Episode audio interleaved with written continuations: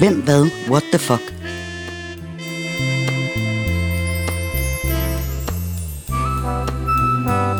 Et nedslag i et legendarisk opslagsværk fra før internettet blev født.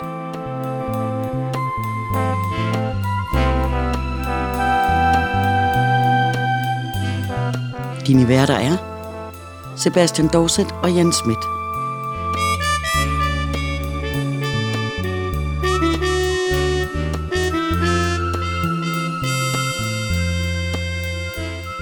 Denne gang anno 1958.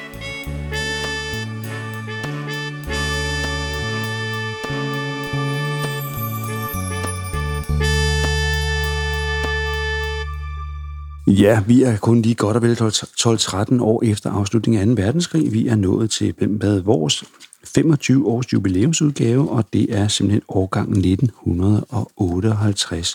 Og de går op i det jubilæum. Der ja. er laverbærkrans på forsiden, og der er laverbærkrans inde på inderomslaget med 25 inde i Ja, kransens midte. Ja, det er sådan en opdækning til bedre sølvbryllups, Ja, sølvbryllupsmiddag, Det er meget sølvbryllupsagtigt, det hele. Ja, og det skriver de også herinde, at, øh, ja, hvad skriver de her? Øh, 25, de har igennem 25 udsendte årgange, og to universaludgaver, som vi øvrigt også jo kommer ind på mm. her på et tidspunkt, de her universaludgaver, de har vundet en sådan folkeyndest, at Aarhusbogen nu er en virkelig institution, der kendes lige godt og læses lige gerne af såvel de helt unge som de mere aldersstene læsere. Det er også. Ja, det er også. Om hvem hvad, hvor, om hvem hvad vores historie henvises i øvrigt til en lille oversigtsartikel senere, og den kommer vi også ind Ja, på ja. her. Men vi starter med starten her, og det er jo det, det afsnit, som dag for dag gennemgår, hvad der hente. Og det er altså fra omkring 1956 og frem. Øhm, her på det aller, aller første opslag, så er der jo lidt alt muligt godt øh, ananas øh, i egen juice. Mm. Øh, det peger lidt mod en selv. Det er helt fra billedet fra der, hvor man kan se, at i efterårsferien besøgte skolebladskongressen politikken, og så ser man en masse smilende unge mennesker, som åbenbart er øh, på besøg her i politikens hus. Der er også et billede, rock og rull i KB-hallen. Den, den ballade, der fandt sted udenfor senere på aftenen, var iscenesat af en fotograf, der skulle bruge et godt billede, står der så. Ja, når man snakker om med fake news, så hvad er det dog, der ja. sker? Det er, det er åbenbart ikke noget nyt. Nej. Men øh, det er stadig, øh, øh, øh, stadig kommet i hvert fald, som der står lidt senere, politiforbud på Frederiksberg mod rock og rull. Og det er stadig R-O-K og R-U-L. Ja. Rock og rull. Over til højre kan vi se et dejligt billede fra en fodboldlandskamp. Mod svensken. Ja, Knud Lundberg finder, Jens Peter Hansen skyder hårdt mod mål, og, Bill og bolden går i det svenske net. Gunnar nu er i ekstase. Ja. Ellers må jeg sige, den her, øh, hvis man lyttede til den forrige udgave af den forrige episode af Hvem med What the Fuck, så vil man høre mig ikke brokke mig, men i hvert fald påpege kritisk, at nærmest hele, hele udgaven handlede om den her Mohammed-krise, som var, det var nemlig årgang 2007, Ja. vi havde sidst. Den her gang, der er vi i 1956, øh, starter den her, og der handler det altså i voldsom høj grad om, om øh, øh, øh, Sovjetunionens invasion af Ungarn og den krise og alt, hvad der foregik der. Ja, det var der, hvor vi fik den første flygtningestrøm. Sådan, ja, det er ikke den første i Danmarks historie, men altså den første i nyere tid, hvor ligesom kom nogle ungarer, der stadigvæk har... Mange har slået sig ned her og Ja. er jo fuldstændig integreret i en grad, som ikke pludselig forstår. Det er lidt mærkeligt efternavn, det der. Nå, Ja. Det er det eneste spor, der er af det. Men altså, det er jo igen... Øh, ja, en, en krise, der virkelig satte gabt noget nationalt. Og, og, var der ikke det første tv-indsamlingsshow? Jo, det var det. Der var faktisk to, øh, to shows her, øh, som, som, øh, som ja, lige præcis. Men øh, det vil vi ikke dykke så meget ned i her. Vi vil se, om der er noget andet what the fuck-agtigt, vi kan, vi kan underholde eller fortælle lidt om. Underhold og underhold. Der er blandt andet en stor storm her i januar, øh, øh, hvor der står, stormen stansede trafik og skabte oversvømmelser. Øh, fem Bornholmske fiskere omkom i løbet af 24 timer. Nej. Så det gik voldsomt for sig dengang. Det gjorde det også med den her sag. Øh, der står den 15. januar indledes retssagen mod den engelske læge Dr. Adams, der blev sigtet for giftmord på rige enker. Sagen fik en meget dramatisk afslutning. Parentes, se senere. Uh. Så de spotter også for, at man skal blive hængende. Læs nu videre, ung som gammel. øh, ja. Øh, der står i forlængelse af national skala lukket i nat med en gæld på 1 millioner kroner. Ja. Ja, Nationalskala, er det sådan en øh, forlystelsescenter? jeg tror, det er det, der lå der, hvor Skala senere kom til at ligge der i da København, rigtigt, ja. hvor øh, Axel Towers hedder det nu. med- Ja. Gorisen Federspil. Ja, og dyre Rolex-forretning i Klarlund i stueetagen, øh, lige over for Tivolis hovedindgang.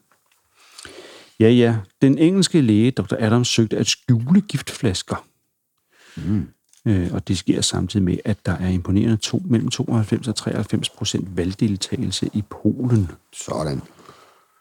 Så er der også øh, i, i marts 57.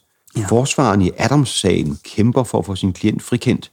Tre sygeplejersker snakke salighed under retssagen, giver ham gode kort på hånden. Ja, ja, ja. Det kan du nu bare se. Det skal nok gå. Det skal nok gå for ham.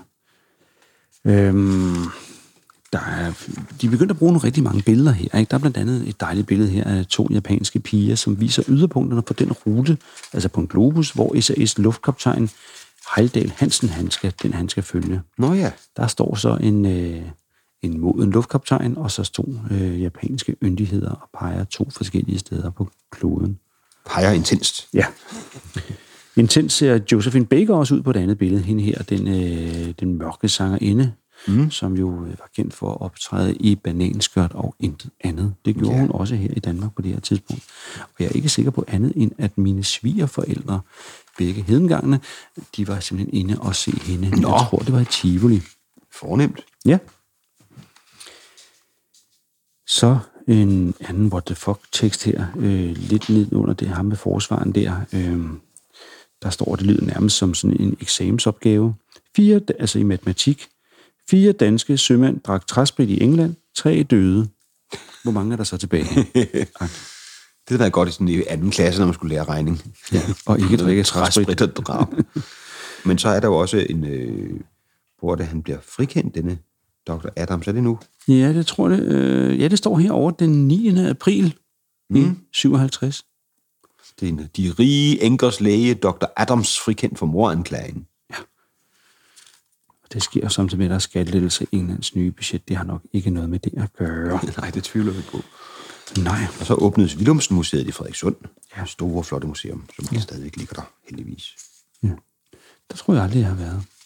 Jeg har boet i Frederikssund, så det har været, ville være et værkeligt andet. Men Du har boet så mange spændende steder, Sebastian, at det... jeg er vi- Nå, ja, ja. Der kan man bare se. så er der en what the fuck-agtig ting her den 22. juli. Ja. 68-årig pensionatsvært inde i Bonn afsløret som stor spion for Sovjet. Ja. Vi har tidligere haft en eller anden, hvor var det, hun var fra? Øh, Også en sådan aldrende kvinde, som netop også var spion. Ja. Hvor hun havde siddet, hun havde været kontormedarbejder et eller andet sted, og havde sendt, nyhed, sendt, sendt oplysninger videre til. Men det er måske også meget smart, hvis man er oppe i årene, fordi det der med, man er jo lidt vant til sådan ældre, de går lidt tæt på, uden man rigtig sådan, Nå, ja. det, er- sådan er de bare, de bliver lidt sære. Så står de og spiller mærkelige spørgsmål, og tænker, "Hvad- hvorfor skal hun vide det? Og så, ja. Nå, det skulle Sovjet vide. Okay. Ja, ja, ja. Og så kan man se her omme på side 28, det er nærmere betegnet den 27. juni. Nu starter det. Ny engelsk rapport om lungekræft og tobak. Ja. Der er ingen forbindelse, det er skide godt. Ja. og så ved jeg, kan du huske på nogle, for nogle episoder siden, så havde vi altså en, øh, sådan en helt vrimmel af øh, jetflyver, som styrtede mm. ned, og nogle Ja. gange omkom piloten, andre gange nåede de at springe ud. Øh, men altså, de styrtede ned. Det var nærmest hver anden side af... Eller, Ja, så er nyt flystyrt. her, jetjager styrtede i Lillebælt. Piloten vadede selv i land. Ja. Det er ikke så værdigt en måde at komme ud af sit fly på en vade i land. Men til gengæld dagen efter, mikroskopundersøgelser afslører årsagen til mange danske jetulykker. Nå. Men ikke nok til, at vi vil skrive noget om dem her. Nej, jeg vil ikke fortælle, hvad det er for noget. Nej, Vi ved bare, at de findes. Ja, ja. Så står der, Aga Khans sønnesøn, åndeligt overhoved for den isma- ismailiske muhammedanske sekt. Ja. Ja, der står, at det må bare være blevet det. Jeg ved ikke, om Aga Khans sønnesøn var Shaka Khan. Det kan være, at han bare var til numerolog. Jeg vil lige læse her. Typograf Gunnar Poulsen svømmer over Øresund på 10 og en halv time. Ja. Det er også sådan noget, de begynder på at gøre her. Ja, det er da meget, det, det, det var inden de sociale medier, der svømmede man steder hen, når man havde opmærksomhed. Man skrev ikke bare noget urimeligt dumt. Øresundsgram, ikke? Ja. ja, ja, ja. Øh, og grunden til, at det måske er en god idé at lære at svømme, det kan man sådan lidt trist læse på næste side. 13-årig spejder faldt over bord på vej til Jamboreen og druknede. Ej. Og det var sådan en jamboree, som foregik i England, så det har været Englandsbåden, at han faldt over bord fra. Og det er selvfølgelig tragisk, øh, mm. men der skal man jo også passe på. Og så er der jo, de bliver godt være, de fundet ud af, hvad der var galt med de fly, dem det ikke ændrer noget. Dansk jetpilot dræbt på Djursland, da hans faldskærm ikke foldede sig ud. Så nu skal vi også kigge på faldskærmene. Ja.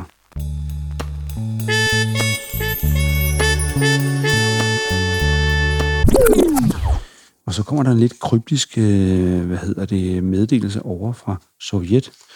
Russisk erklæring om Munk Petersen, hmm. hverken død eller levende i Sovjetunionen. Altså forfatteren Gustav Munk Petersen? Ja, det må være ja. ham, som man mener jo forsvandt øh, og, og senere vist døde ja. i... Var han i Sibirien i en arbejdslejr, eller var han bare... Døde han ikke i, i, som Spaniens fri? Nej, det gjorde han da ikke så. Nej, jeg tror netop, han forsvandt. Ja. Nå, det kan være, at vi skal lave en podcast om det laver vi det. Munk Petersen. Munk, Yes. Munk Petersen podcast. Ja, og så er der noget andet, som man begyndte på her øh, på det her tidspunkt. I 57 er det så kamp på pistoler mellem, i, i citationstegn, læderjakker og politiet i Gladsaxe. Ja, der skal man passe på i Gladsaxe. Ja. ja, men det breder sig, fordi dagen efter optøjer på Rådhuspladsen efter strøgpremiere på filmen Rock Around the Clock. Ja, det der vilde unge rockmusik, det fik det lige, øh, det fik gemytterne i kog. Ja, nye anerumpe optøjer, som der står på Rådhuspladsen. Politiet måtte trække stævne, og hvis man ikke rigtig ved, hvad en anerumpe er, så er der en illustration, hvor man har stået sådan Nå, i en ja. hvid cirkel. Der står dels en betjent, som øh, slår løs på sådan et ungt menneske med sin knibbel, og det her unge menneske, det har altså den her karakteristiske anerumpe frisyr. Ja, hvor, hvor håret ligesom er ret frem i sådan en olieret tot, der peger Ja. frem. Ja. Sådan, øh, Og så med sådan en svirp. Ja, præcis. Sådan lidt øh, John Travolta i Grease. Ja, ja, det er vel det. det er derhen af, ja. Og det fortsætter dagen efter 32 anerumper anholdt under uroligheder på Rådhuspladsen. Ja, de går, der er fuld gang i gaderne Ja, dengang. Når man, hvis man taler om en ungdom, der er værre og værre. Ah, de var også rimelig slemme tilbage her. Ja, de, var, de kom til træning allerede dengang. Nu skal vi til noget skandaløst, og igen er det sådan som nogle gange, hvor de ikke lige får nævnt det hele her. Øh, og det handler simpelthen om, at Radiorådet de nedlægger forbud mod oplæsningen af Den Røde Rubin mm. af Agner Mykle, som altså er en nordmand. Og hvad kan det handle om? Er det den røde rubin? Åh oh, nej, nu er vi nok ude i noget berufsforbud og de røde lejesvende. Skal vi have noget kommunistisk propaganda, eller hvad er det, der skal ske her? Hvis vi læser lidt videre ned for enden af spalten, radiomedarbejderne henvender sig nu til radiolovudvalget i Mykle-affæren, som den nu er blevet ophøjet til. Okay. Og nu kan man se, aha, oplevelsen kommer midt i næste spalte. Den store pornografisag mod Agner Mykle begyndt i Oslo. Og lidt skråt overfor, øh, lidt nedunder, Mykle-sagen, Arnulf Øverland fremsætter skarpt en indlæg til fordel for den røde rubin. Mm. Men ikke desto mindre så går det sådan, at Agner Mykle indstilles til betinget dom. Nej, han har simpelthen skrevet en, en fræk sag, den røde rubin. Ja, det kan være, vi skulle... Øh, Få fat i den. ja. Det må vi også lave en podcast om. Så har jeg lidt noget med formuleringen her, Sebastian. Den finske komponist Jean Sibelius, pludselig død, 91 år gammel. Jeg vil sige, hvis man bliver 91 år, så er det ikke pludseligt, at man Nej. går hen og dør. Mindre det var midt i nogle rockoptøjer med andet rumpe inde på Rådhuspladsen, så ville Sibelius nok have... Så ville det være overraskende. Ja. Jamen, ja, ja, medmindre han står eller pludselig twerker, eller gør et eller andet øh, ja, Det var midt i noget twerk, som jeg sige. Jeg har skrevet noget nyt. Det er... Karlevalle, det er ikke lige mig længere. Nu skal det være twerk. Men det var altså nogenlunde det, som foregik her i året her. Mm. Vi er nået hen til at tale lidt om årets døde. Ja, for eksempel Aga Khan Ja. og Oliver Hardy, altså Gokke, Ja. som han så ikke charmerende hedder på dansk. Men altså, når det er uden gø, så bliver det pludselig lidt et mærkeligt kælenavn. Ja, Humphrey Bogart, han dør også, og øhm, ja, er der flere andre, øh, som vi kan sige noget om? Toscanini, dirigenten. Ah ja, Toscanini, og så som sagt Jean Sibelius. Og så kan man sige, at det- man skal ikke tale ondt om de døde, men så dør Joseph McCarthy, den amerikanske politiker. Ja. Ham med McCarthyismen, altså at, ja. At så, han så røde lejesvend alle vegne. Ja, det var ikke Kommunisme for skrækkelsen, må man Ja, sige. præcis. At alle blev tvunget til at tilstå, at de bestemt havde været, haft sympatier for det ene eller det andet. Sådan lidt, ja, en spansk inkvisition bare med kommunisme. Ja. Og lige ovenover ham faktisk, der er, det, det synes jeg er lidt uh, what the fuck, at man har valgt at bringe, nemlig den foranværende tyske, og dermed også nazistiske general, Friedrich von Paulus, Ja. som jo var en stor felt her under 2. verdenskrig. Ja, Ham vælger man altså at, at fortælle, at han er død. ja det er lidt mærkeligt. Ja. Det kan være, at man måske er kommet lidt på, på, på baggrund. Jeg kan huske de, de, de øh, episoder, som var lige efter krigen, der valgte man fuldstændig at, at forbigå. Der fandtes ingen tyske. Nej. Ja, men hvad har vi henne i de danske? De danske døde, der er forfatteren Illich Johansen, Ja, ja. Og, som ikke forfald- blev særlig gammel. Han, var, han blev en 32. ja. og så en, man ikke ser ofte, nemlig Tit Jensen. Øhm, det er også professor Axel Jørgensen inden for Kunstakademiet. Og polarforskeren Peter Freuchen. Ja, han døde faktisk på vej mod, øh, på vej mod Nordpolen. Ja, men han var til gengæld lidt op i årene. Ja. Han var 71. Ja, så kan jeg ikke rigtig komme på flere. Nej. Der er død en øh, højesteretsdommer, altså foranværende, som hedder Jesper Simonsen. Jeg synes bare, det, er det ikke et, et moderne... Altså Jesper, er det ikke et relativt moderne navn for en mand, Jo. der er født i 1881? Jo. Ja. Det har du fuldstændig ret i. Men så vidt er altså dem, vi måtte sige farvel til, eller de måtte sige farvel til dengang, for det var jo lige omkring 10 år, før vi øh, Ja. kom til verden, du og jeg, Sebastian. Og så er der håndskrift Gate. Ja. Nej, nu er Ja. det. Jeg kan huske en fjern fortid, der minder sådan noget med den Arne Magnæiske samling, og hvorvidt Island skulle have deres håndskrifter tilbage. Ja. Nej, den er, det, det er tungt. Det skal godt nok trækkes frem fra nogle øh, helt mærkelige kamre i hjernen, lidt under. Men jeg er imponeret, Sebastian, fordi du har bare lige bladret op på det her opslag, øh, som hedder, hvad er de islandske håndskrifter? Ja, altså vi havde ligesom snuppet noget til det kongelige bibliotek, og Ja. det, der hedder den Arne Magnæiske samling, opkaldt efter Arne Magnusson, som er professor ved Københavns Universitet, men altså som navnet antyder islænding.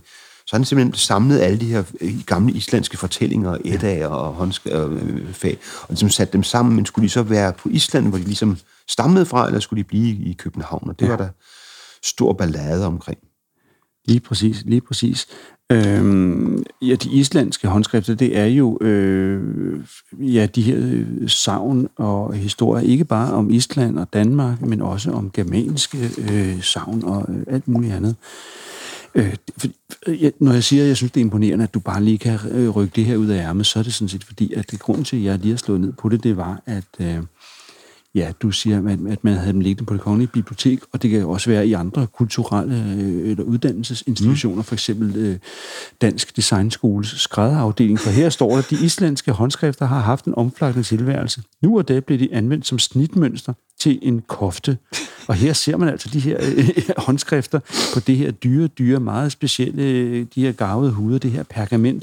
Men det, er altså, der har de så brugt dem skåret ud, ligesom, ligner sådan et snitmønster til Ja. at sy efter, som er skåret ud af en avis. Så er det simpelthen skåret lige et rundt mærke ud, så man kunne stikke hovedet gennem koften. Det synes jeg, det er lidt øh, manglende respekt for de ældre Ja, for når det er på den måde, så forstår jeg sådan set godt, at de gerne vil have deres håndskrifter tilbage, hvis det er sådan. Ja. Og så kan de få en, en, en, en, en brugt søndagsbærlinger til at, til at lave snitmønstre efter. Ja, lidt øh, stedmoderlig behandling af de gamle islandske skrifter. Ja, men øh, Men jeg mener, at Island fik dem igen, men nu skal jeg jo ikke jeg ved ikke, om de har fået alle sammen, fordi øh, der står her, Island har flere gange rejst krav om udlevering af håndskrifterne, og i 1927 tilbageførtes 700 diplomer, som er middelalderbreve, og fire håndskrifter til Island. Efter unionsophævelsen i 1944 rejste Island på ny sagen, denne gang ikke som et krav, da samlingerne sikkert juridisk set tilhører de nuværende i hændehaver i det, de for størstepartens vedkommende er erhvervet ved køb eller som gaver. Det vil sige, at det var ikke længere, de, lå ikke længere på Dansk Museum, men der Nej. var nogen, som ejede dem, altså private mennesker, som ejede dem, helt lovformeligt. Mm. Øhm, Men altså, der er et eller andet grund til, at jeg kan huske noget om det, er jo, fordi det bliver en ret sådan, principiel juridisk sag om, hvem der Ja. har ret til hvad. Ja. Og det, det, er, det, det, det er der, hvor min, øh, der er en grund til, at jeg dumpede alt på jura.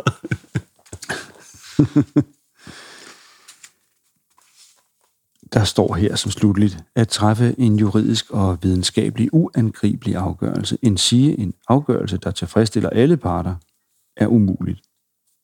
Ja. Af afgørende betydning vil det sikkert være, at de islandske ønsker næppe vil aftage, før en udlevering har fundet sted, og det er sikkert også rigtigt nok. Ja. Du lytter til Hvem, Hvad, What the Fuck. En podcast med nedslag i et legendarisk opslagsværk fra før internettet blev født.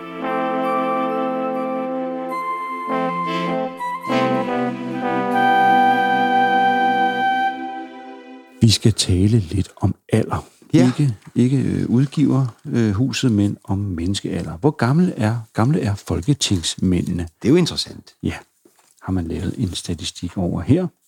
Og hvis du vil gribe ned i den dejlige... Det er jo ret sjovt, og hvis man kunne sammenligne med, hvordan det ser ud i det nuværende folketing, sammensat på en lidt anden måde. Ja. Fordi at i det daværende folketing, hvor der var 174 folketingsmænd af en eller anden mærkelig årsag, jeg ved ikke, om der er... Det er jo en, de der- nordatlantiske mandater, Jamen, som ikke er talt med. Dem Jamen, så mangler der jo fem, jo. Så mangler der jo en.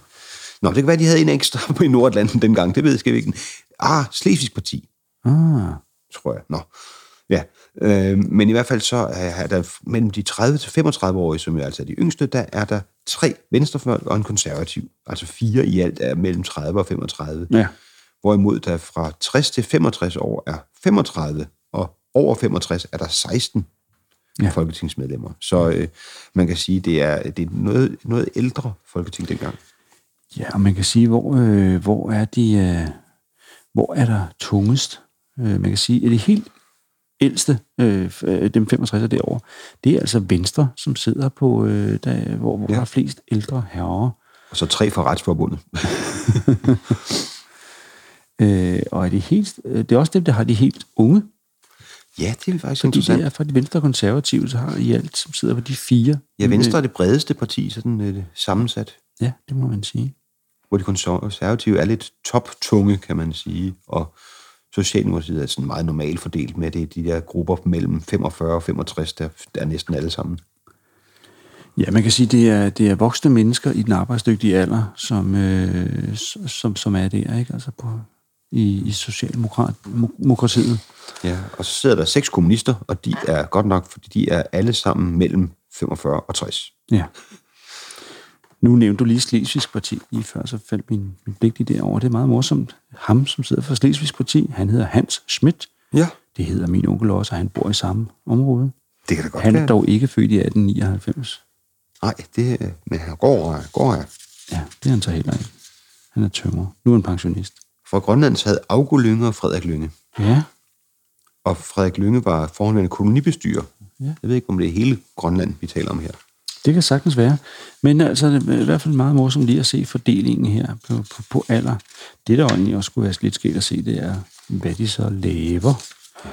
Øh, hvad de beskæftiger sig med. Og hvor mange af dem, som bare har læst statskundskab og råd direkte ind i en ungdomspolitisk organisation, og derfra videre ind i Folketinget. Nok ikke så mange som i dag. Nej. Nej, så vidt politikernes alder. Vi skal tale om videnskab og sundhed, tænker jeg. Ja, det er godt. Og der er man jo, der er nogle nye opdagelser her. Øh, ting, som er opfundet. Der er Nyt blandt fotoapparat til brug i mavesækken. ja, og før man lige tænker, "Jamen, det er da bare et videokamera, man stikker ned på, ligesom man gør i dag, til at lave sådan et koloskopi og endoskopi, og hvad det alt sammen, de skopier hedder. Øhm, så står der her blandt andet, for at kunne påvise og følge behandlingen af mavekræft, har japanske forskere for nylig lanceret et nyt mavekamera, som i løbet, løbet af et par minutter er i stand til at optage 20 billeder i mavesækken. Ja, der man lige vide dengang, der, der kunne man ikke bare knipse løs. Der skulle det jo altså, det var billeder, var jo billeder. Ja, der skulle man sikkert hælde det kamera op igen, og så hen i mørkekammeret og fremkalde dem, og så se, øh, mens patienten stadig lå der. Øh, Og det gjorde skide ondt med ham, der stod og sat lys dernede. ja, men blitzen. ja, lige sådan, Ja, kameraet er lille der, men blitzen det er en ordentlig satan. magnesiumpulver ud over det hele. Kameraet er fastgjort på en 70 cm lang blød plastikrør, der indeholder elektriske ledninger til belysning og kontrol. Ah. Øh, mere end 1000 patienter er allerede blevet undersøgt, og man har høstet nye erfaringer med hensyn til, hvordan maveslimhinden ser ud under normale forhold. Ved mavesår, mavekræft, mavekatar, mavepolype og ved infektion med spolorm. Ja. Ja, ja, ja. Og øh, Man kan også få en mikrofon i ja, hjertet. det er lidt i samme dur. Ja. Så stikker man ind i hjerte gennem et blodkar i armen, så kan man opdage defekter i hjerteskillevæggen, og lægen, en rutineret læge kan sige, hvad, hvad fejlen kan være. Ja, fordi man simpelthen lytter, simpelthen på en detaljeret lydoptagelse af det, ja. Ja, ja.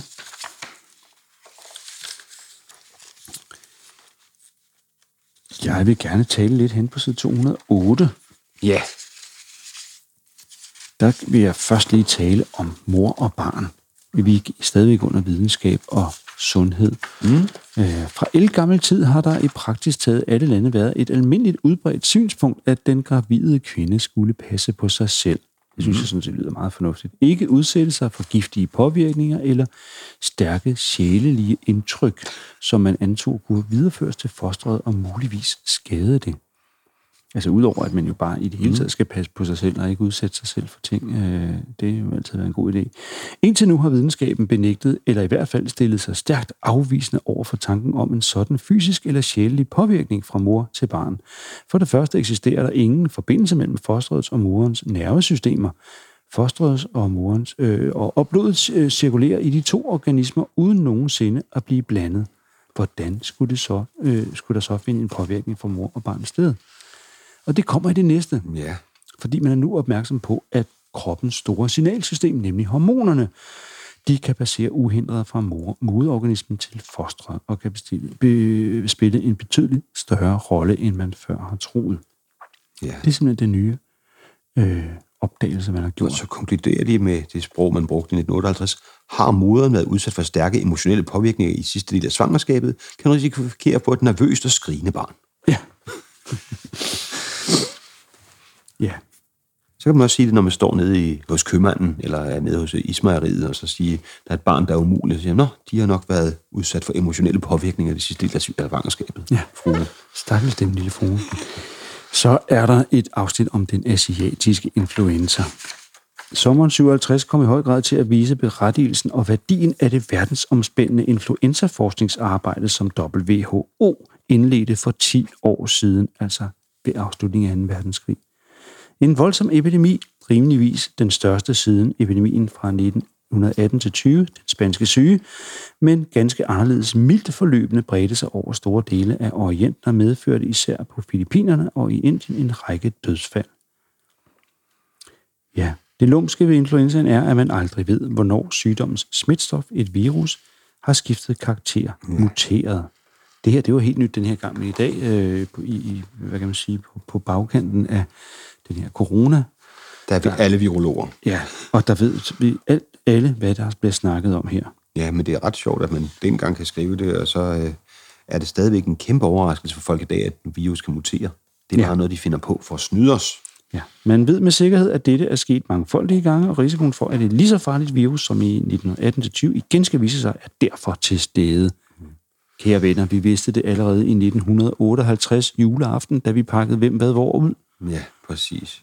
og nåede hen til side 208.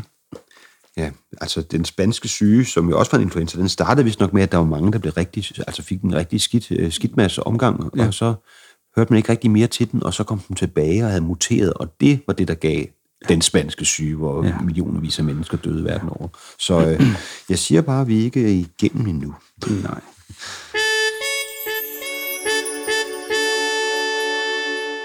Du lytter til Hvem, Hvad, What the Fuck.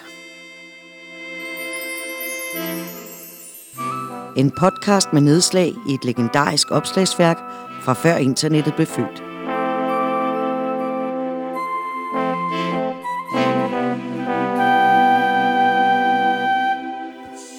Nu skal vi tale om noget, som i hvert fald den store del af befolkningen, som ikke er vegetarer, sikkert vil øh, spidse ørerne og lytte med her. Et svin er andet end bacon, Det er det. står der her. Et slagtesvin er andet og mere end bacon. Og her er lavet en af de her dejlige tegninger, som i de tidlige hvem hvor rigtig, rigtig brilleret i, hvor der er simpelthen en rigtig, rigtig flot præmiegris, og så står der med sådan en streger ud fra, hvad er der inde i den her, og hvad kan man bruge tingene til. Flere af dem mere, øh, hvad kan man sige, Kuriøse. appetitlige og, ja, og kuriøse end andre. Vi Fedtet starte. bruges til margarine. Det er sådan meget Ja. matter of fact. Skjoldbruskkirtlen anvendes i medicinalfabrikkerne. Ja, Det vidste jeg ikke, at man lige tog grisens skjoldbruskkirtel. nej. Og det samme gør sig faktisk gældende for kønsdelene, anvendes af ja. medicinalindustrien. Og bugspytkirtlen til insulinfabrikkerne. Ja. Ja. Og galleblæren bruges til fremstilling af grøn farve. Ja, og så er der sådan en lille maler, tube med, med maling og en malepensel. Ja. Lidt obvious. Øh, af leveren fremstilles lever på steg. Det er et godt Okay, no shit, Sherlock. Og så er der en, som er, er der, hvor jeg tænker, at nu digter de bare. Ja. Grisetæerne farves røde og eksporteres til de tropiske lande, hvor de regnes for en rigtig lækker bisken.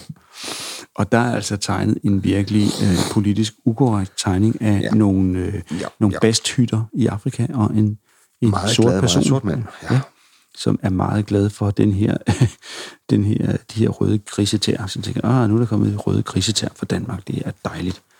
Men at man må sige, at deres stereotype fremstilling af folk er heldigvis uracistisk, fordi så er der så en tysker, han sidder selvfølgelig i lederhus med den lille dumme hat, fordi at lungen eksporteres til Tyskland. Ja. Og så har man så en herre i tweet på sådan en herskabsstol, der sidder og meget spiser meget elegant. Nyeren eksporteres især til England, så vi stereotypiserer ja. alle. Ja.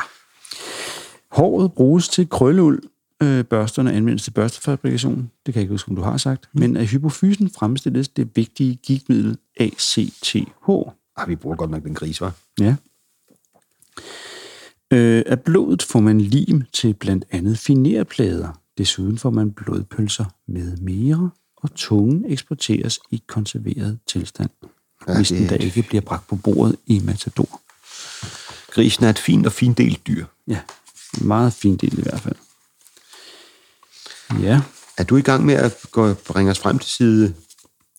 vi er i gang. Jeg er helt, helt, ja, det er nemlig side 466, hvor jeg, i, som der stod, øh, i, blev lovet i indledningen, mm-hmm. vil være sådan en, øh, hvad kaldte de det, en, en gennemgang af, hvem havde vores historie. Ja. Hvem havde hvor i 25 år. Og der er det desværre for, at vi er på lyden kun her. Der er en rigtig, rigtig dejlig håndlavet øh, mock-up, vil man nok kalde det, i reklameindustrien i dag, mm. Af hvordan skulle forsiden, det første udkast til, hvem havde vores første omslag. Ja. Det er altså skrevet med ubehjælp som barneskrift, vil jeg mene. Og så står der politikens årbog 1934 over hjørnet, og så står der med verdensatlas og over 400 tabeller. For hvis der er noget, der sælger, så er det tabeller. Ja, i hundredvis. Hvem, hvad, hvor er der skrevet henover. Og det er altså før, der er været en øh, grafiker inde over og finde på, at man skulle lave de her øh, politikens håndbøgers velkendte tre striber hen over forsidens Præcis. grafiske udtryk. De har arbejdet videre, og heldigvis for det. Ja, ja. Øh, hvad skal, man, skal vi lige læse lidt om, hvad der stod her? I september 1933 foreslog den dansk-tyske redaktør Harald Gylstoff politikken at udgive et statistisk lommeleksikon. Og så under drøftelserne, der besluttede politikken sig i stedet for at udgive en aktuel avisoverbog, avisoverbog en popular, popularisering af lignende bøger i England og Amerika. Ja, og Harald Gylstoff påtog sig redaktionen med den fra radioen nu velkendte kommunelærer Fritjof Hansen som medredaktør. En velkendt kommunelærer. Ja. Det er en af de mange medie Det er datidens influencers. Ja, ja, og øh, der er sikkert også siddet nogle marketingsfolk, som man kan læse lidt senere. Allerede fra efteråret 1935 havde Gylstoff startet en norsk søsterudgave hos Aftonposten i Oslo. Øh, og som flygtning i Sverige i 1943 lykkedes det Bramsen med Bonnier-koncernens forlag Forum i ryggen at få en svensk søsterudgave i gang. Ja, men altså. Og så kommer der en. Ja, ja, ja. Det kører. Men vi har jo også set i tidligere afsnit, hvordan der er hvem med hvor i hele, eller i flere europæiske lande. Og krigen kom jo på tværs, øh, som der står i krigen, og besættelsetiden forvoldte overbogen mange problemer, hvoraf de to værste var papirmangel og tysk censur. Men med befrielsesudgaven fik redaktionen oprejsning. Denne kæmpe tykke udgave, som var den første, der lancerede det stribede bind, og som blev lavet på rekordtid i det hektiske efterår 1945, nåede at registrere alle fem års mørklagte begivenheder som der står, som censuren tidligere havde stanset. Og jeg har simpelthen fået en øh, hilsen fra fortiden her. Ja. Da vi slog op på denne fine opslag, så var der simpelthen et bogmærke, som var revet ud af en gammel udgave af Aktuelt, mandag den 4. juni 1962. Der er simpelthen nogen, der har siddet og læst og tænkte, jeg skal lige huske, hvor det er det fine opslag med, hvem er vores historie, og lagt et bogmærke ind for mig. Ja.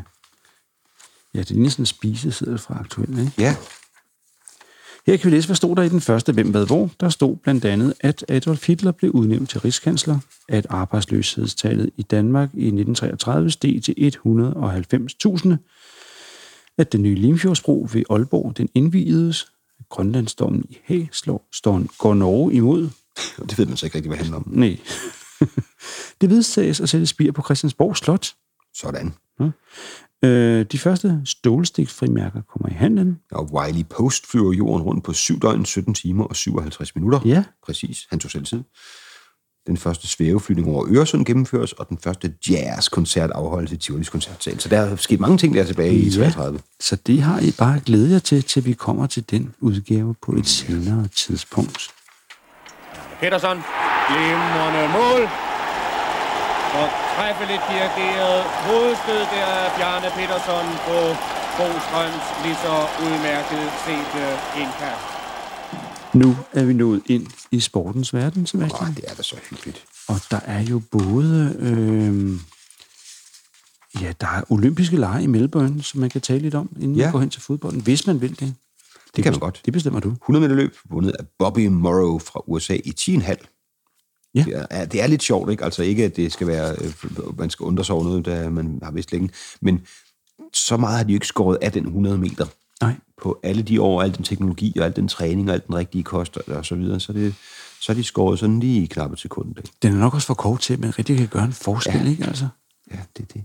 man kan ikke, der er ikke noget udholdenheds, eller... Øh, Nej, jeg har hørt, og det er igen kun noget, jeg har hørt, øh, ikke noget, jeg ved.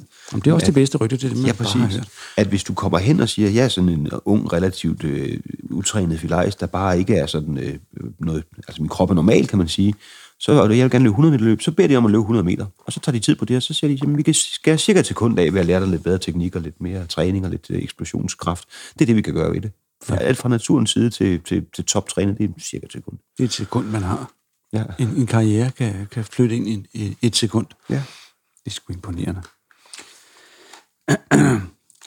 Alting var bedre i gamle dage. Øh, hvad hedder det? Juleaften, der var sneen videre, og sommerne var varme, og det ene og det andet og det tredje pigerne kønner, og der var flere mål i fodboldkampene, især finalerne. Ja, Det var bare liv, fordi man kan læse her, at finalekamp i fodbold mellem Rusland og Jugoslavien, og vi er altså stadigvæk til de olympiske lege i Melbourne i Australien.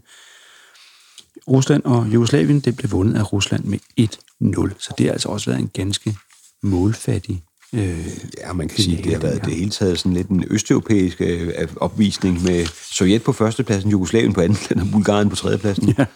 Det er der, hvor, hvor statsamatørerne viser sig. Ikke? Dem Der, de får sørme ikke nogen penge for at spille, spille Nej, det er fodbold. ikke noget men, job, der er ikke noget. Men de har bare ikke rigtig noget andet job, der gør, at de får en løn ind på kontoen. Den kommer bare. Mm. Det var derfor, de altid, så var de ansat i hæren og fik lov til at træne fodbold hele tiden, eller ja. cykle hele tiden, hvad de nu hengav sig til. Man taler tit om, øh, især også i disse tider, ikke lige omkring OL nu, det er omkring VM i fodbold, man øh, diskuterer meget om, om man kan adskille sport og politik. Som vi talte om i starten af den her episode, så øh, det her år 1956, det er jo især præget af Sovjetunionens invasion af Ungarn. Ja. Øhm, der er et lille billede herhen på side 480. Ungars tragedie gav også genklang i Melbourne.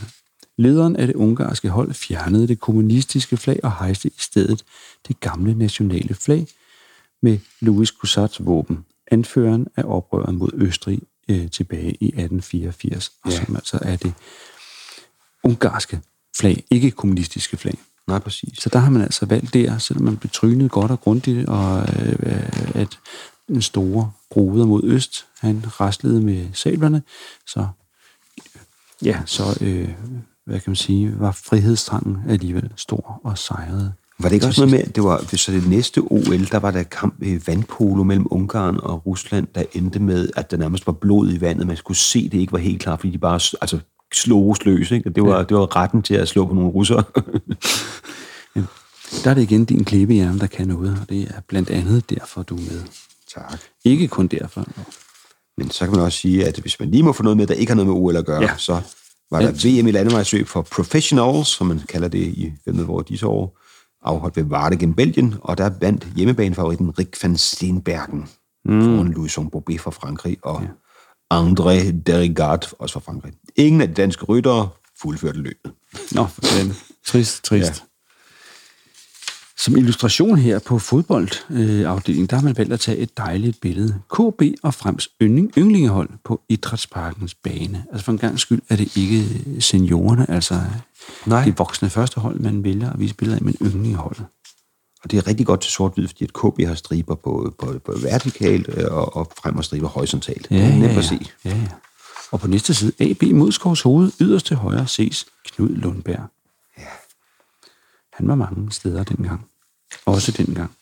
Og så en af årets landsholdsdebutanter kom med. Henry From fra AGF. Den mm. så kendte målmand, for i hvert fald hvis man er lidt oppe i årene, som jeg er, der satte et tykkegummi på stolpen ved forbindelse med et straffespark, og dermed ja. chokerede modstanderen så meget, han brændte. Eller at ja. Henry From reddede. Cyklede ham, ja. Han cyklede ham, ja. ja. Der er flere dejlige billeder, også med action, nede fra Sjælland-serien Korsør mod Køge. Igen de dejlige stribede dragter. Ja og målmand i aktivitet i kampen fremad Amager mod Helsingør. Og så er der en, en fodboldkamp, der byder på en mudderbad, også i kampen benet 3 AB. Ja. Nu ved jeg ikke, om nu, alle, der har været sammen med en mand i mange år, ved, at han gentager sig selv i, i en ulidelig strøm, og det, nu har vi jo også været i en form for podcastforhold, så jeg ved ikke, om jeg har fortalt den her historie før, men hvis man ser på fodboldlandskabet, og synes, at mange klubber spiller i de samme dragter i Danmark, altså de her blåhvide stribede, altså som Esbjerg og OB og i gamle dage KB, de havde, så er det, fordi der var en opvisningskamp øh, turné, hvor Sheffield Wednesday rejste rundt i Danmark og viste ja. sig frem, og så godt kan man altså spille fodbold over på de engelske øer, og så blev alle sådan lidt grebet af det, og for det første gik i gang med at stifte klubber, så også, den der trøje, den er bare cool med de her blåhvide striber. Ja, sådan en stribet trøje, det er en rigtig fodboldtrøje. Ja, præcis. Sådan en skal en rigtig fodboldklub Så rigtig mange hold tænkte, den skal vi have. Ja, ja, det galt altså ikke ude på Klitmøllervej, ude i Vandløse. Nej. Det... Der blev den bare vige. Jamen, noget, noget blå shorts, eller hvad? Nej, sort. Sort, sort, sort. sort og hvid, ja, ja, ja. Ja, det er også Ligesom Vesttysklands legendariske Nå ja, præcis. Ja. ja, ja. Og også meget Englands, ikke? Jo. Eller var det blå? Var det blå shorts, eller var det sort? Det var også sorte shorts. Jo, det har varieret lidt, har det ikke det? Men jo, altså, det har det nok. Man har nok meget haft sorte shorts i starten, fordi det var ja. nemmest. Ja, de var nemmest at vaske. Ja. Så når vi frem til stillingen i fodboldturneringen per 1. oktober 1957. Ja, det er sådan lidt mærkeligt uforløst. Har, har de overhovedet fået med, hvem der vandt? Nemlig, ja, nej. De kørte turnerings, øh, års kalenderturnering det år, altså man simpelthen slutter det sidst på efteråret, i stedet for ja. så nu, hvor man slutter det hen i foråret. Så øh, det kan godt være, at de ikke har fået simpelthen afgørelsen med, men øh, AGF lå to point foran frem. Ja at de ikke, de ikke har fået det hele med. De er 10 hold i første division, og de har spillet 22 kampe. Det, Nej, er, jo, det er mærkeligt skævt, kan man sige. Ja, det, det, lyder, det lyder, ikke, øh, lyder ikke helt rigtigt. Til gengæld kan vi glæde os over, eller nogen af os, øh, en af os kan glæde os over, at Vandløse jo ligger med her i anden division, som jo ja. anden bedste række på det her tidspunkt, øh, yes. på en syvende plads. Øhm, og kan øh, kigge håndligt ned i 3. division, hvor i Kast Frederikshavn, Helsingør, B1901, OB og ja, mange andre, Nakskov, Otterup, Lindemark ja. og så videre. Og helt ned i lokalunionens serierække, hvor naboerne får Rødovre, Hvidovre, Hellas også for Rødovre. Nej, nej, nej, nej. Der ligger og roder rundt dernede. Ja, ja. Skadefro. Ja.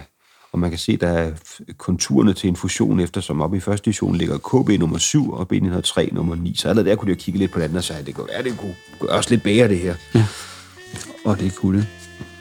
Det er jeg til gengæld ikke sikker på, at det er sådan en gennemgang af, hvem med hvor kan Sebastian. Jeg synes det, det er, er muligt, godt. og man skal jo ikke blæse i sit eget øh, horn, eller hvad det nu hedder på nudansk, øh, som jeg selv opfinder i situationen. Ja. Men det er muligvis den bedste hvem med hvor podcast i hele verden. Ja. Det er altså det, ikke, det kan det, vi det, det Øh, og, men vi prøver i næste uge at lave en episode, der er endnu, endnu bedre. Ja, det vil vi meget gerne. vil vi opfordre til, at man også lytter med på. Hvis man beder om at abonnere på vores podcast, så dukker den op af sig selv. Jeg siger det bare. Ja, helt uden man skal gøre noget. Sebastian, det var rigtig hyggeligt igen at have dig her i studiet. Det er super hyggeligt. Og jeg glæder mig til næste gang. Også mig.